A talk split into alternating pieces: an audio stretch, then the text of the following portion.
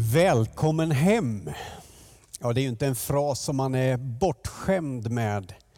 Eller den eh, formuleras kanske så här. Välkommen in, vad roligt att se dig.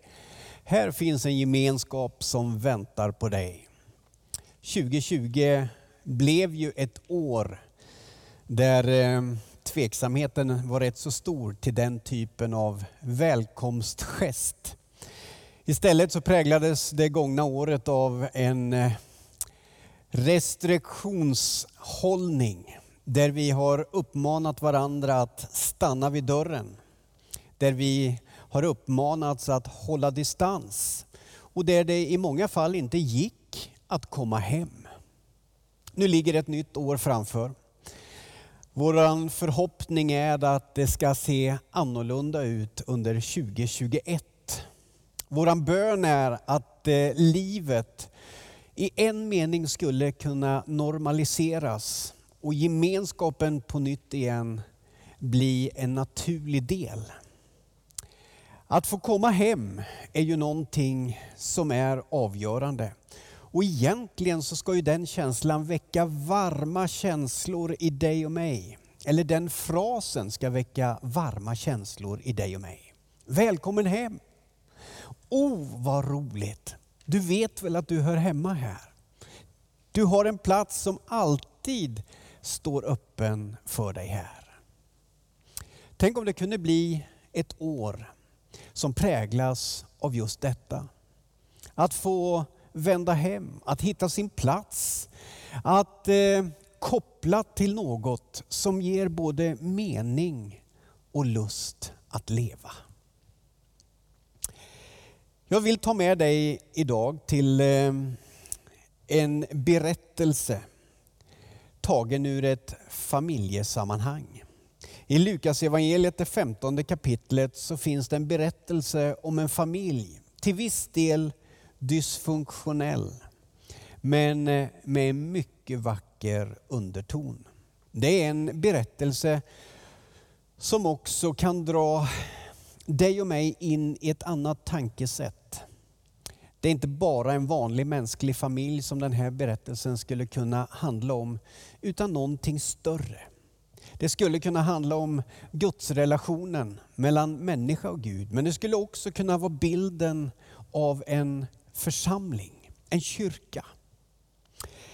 Och nu tar jag med dig rakt in i den här berättelsen. Det är en av sönerna som under av buller och bång har lämnat familjen en gång i tiden. Ambitionen var att erövra livet. Men eh, omständigheter och kanske också i viss mån lite dåligt omdöme gör att den här mannen hamnar i trångmål. Livet blir riktigt, riktigt tufft. Och man skulle ju kunna säga att ja, du får skylla dig själv. Men eh, det finns ingen orsak till att göra det i det här sammanhanget. Bättre är att konstatera att i den situationen som han nu finns så händer någonting i honom. Han börjar reflektera, han börjar längta hem.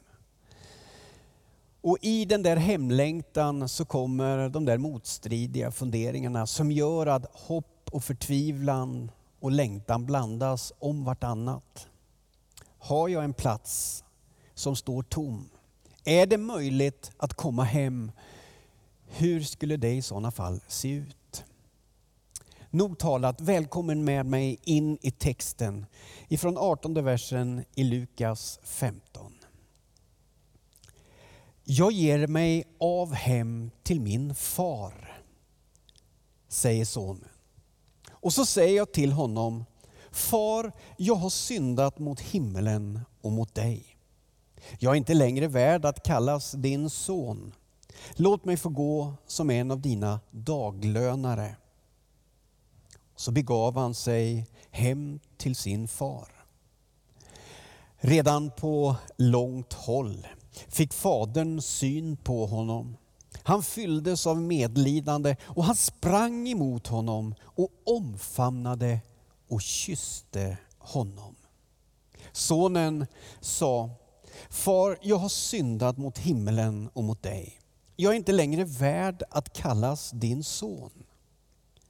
Men fadern, han sa till sina tjänare, skynda er och ta fram den finaste dräkten och klä honom i den och sätt en ring på hans hand och skor på hans fötter. Hämta gödkalven och slakta den så att vi får äta och hålla fest. Min son var död, men han lever igen. Han var förlorad, men han är återfunnen.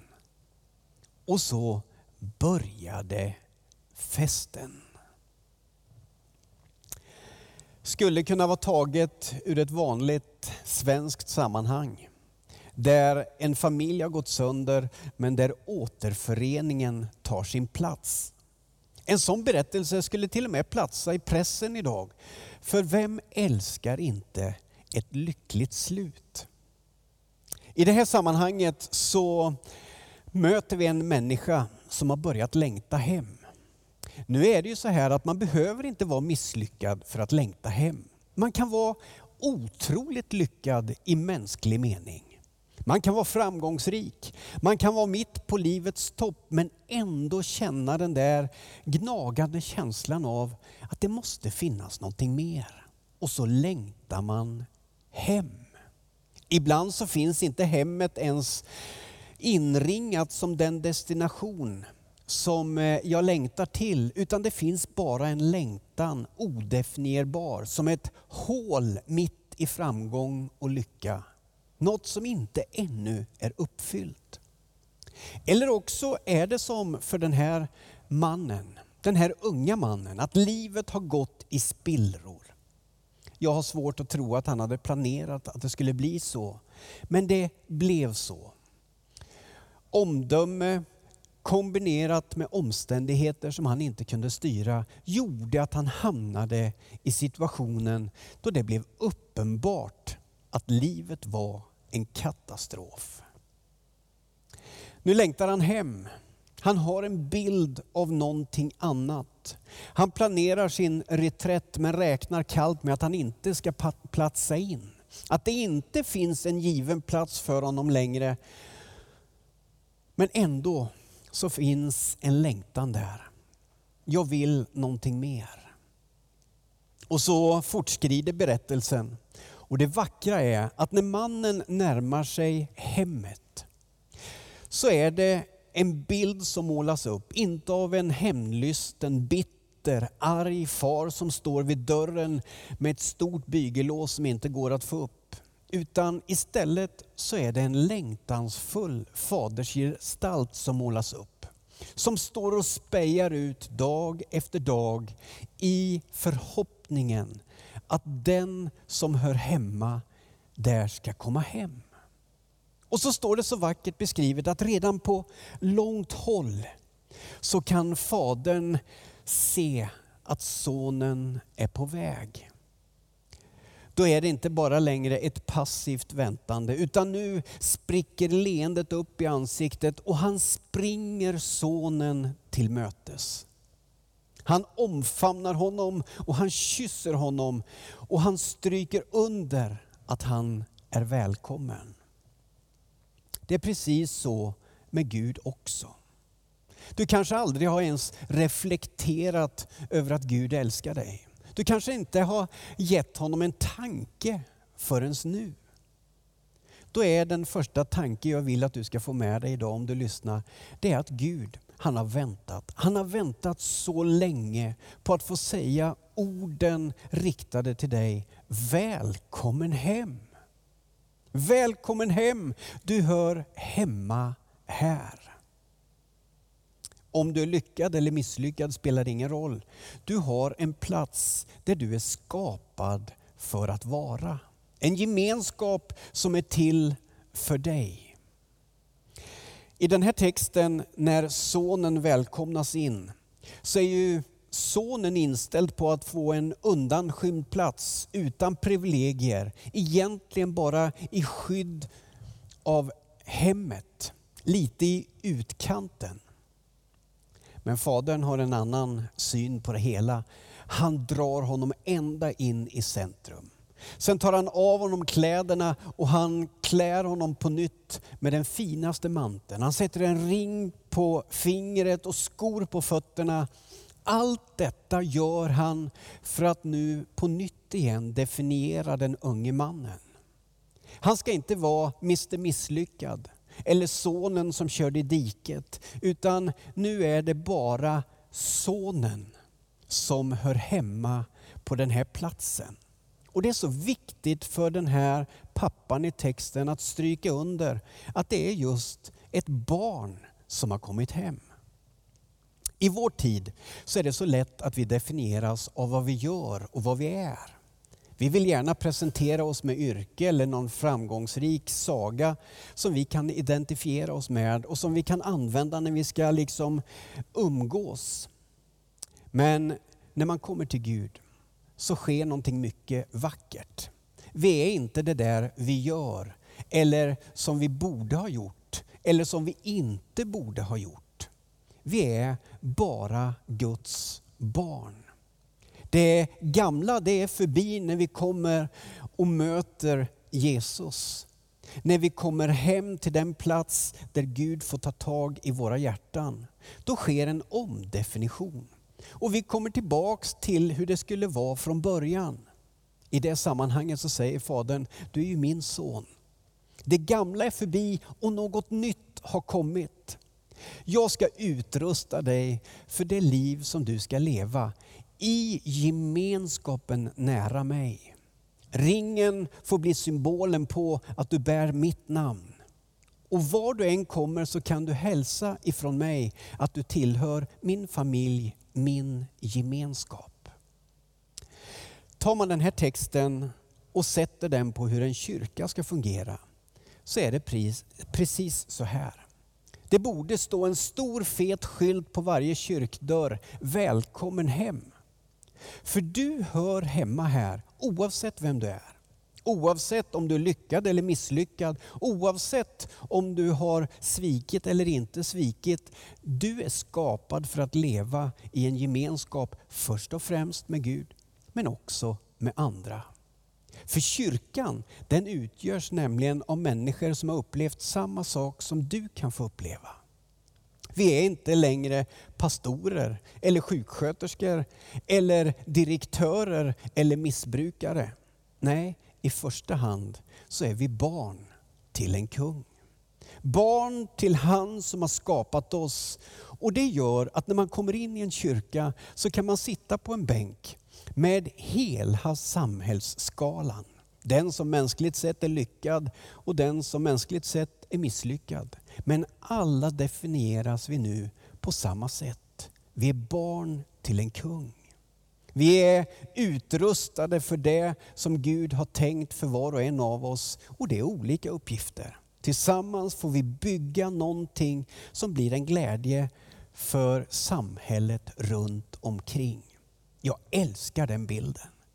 Jag tycker den är vacker och den utmanar min tanke. Här finns inga restriktioner längre.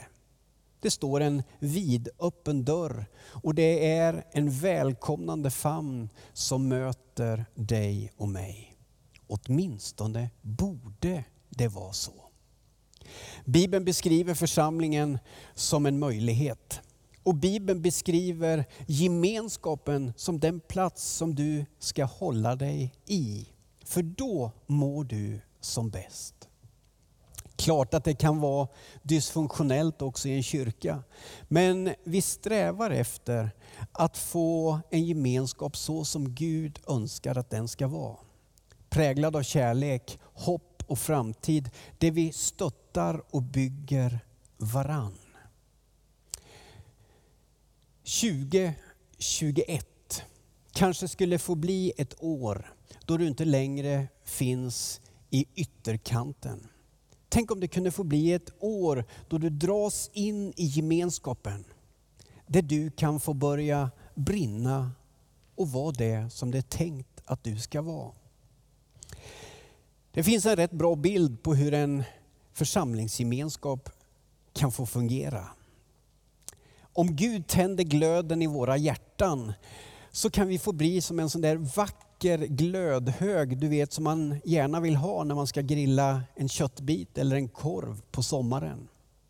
När jag tänder grillen så har jag kunnat konstatera under åren att de kol som hamnar i en hög och bildar en gemenskap, de skapar en väldigt vacker glödbädd. Men det kol som hamnar vid sidan av, liksom, det tappar sin värmekraft och tenderar att svalna mycket fortare. Men när man trycker in det kolet i glödhögen tillsammans med de andra så bildas en värmehärd och en glödbädd som är funktionsduglig för det som du ska grilla. Det är tanken med församlingen. Du är välkommen hem och tänk om det kunde få bli så här i början på året avstampet för dig som gör att du söker dig mot en kyrka. Söker dig mot en gemenskap där du först och främst ska få möta en kärleksfull far, Gud själv, genom Jesus Kristus som omdefinierar dig. Och så blir du en del av den familj som kallas Guds familj. Alla de som tillhör Jesus Kristus. Till slut bara några ord om det som jag också tror är viktigt att kyrkan definieras med. När sonen hade kommit hem, när han hade fått kläderna på sig och ringen på fingern och skorna på fötterna, så uppmanas hela familjen med allt vad det innebär att hålla fest. Jag tror att det är precis så det ska vara. En kyrka är inte ett mausoleum eller en, ett museum över en svunnen tid. Kyrkan är en plats för de som lever här och nu. Och det är en plats där glädjen bör finnas och slå i taket gång på gång. Där musiken ska liksom prägla och där skratten ska klinga. Det finns en annan bild och det är Jesus som säger, ni är världens ljus. Ett ljus sätter man inte under en kupa utan ett ljus är ju till för att lysa upp. Ni är som en stad full av ljus på berget. Det ska lysa för hela omgivningen och skapa tro och hopp. Och över denna stad så ska skylten stå Välkommen hem. Jag hoppas du ska känna att du är välkommen. Jag hoppas att du vet i vilken riktning du ska gå. För Gud han finns där. Jesus Kristus har öppnat dörren och där står en far med vidöppen famn och säger välkommen hem. Gud välsigne dig inför det år som nu ligger framför.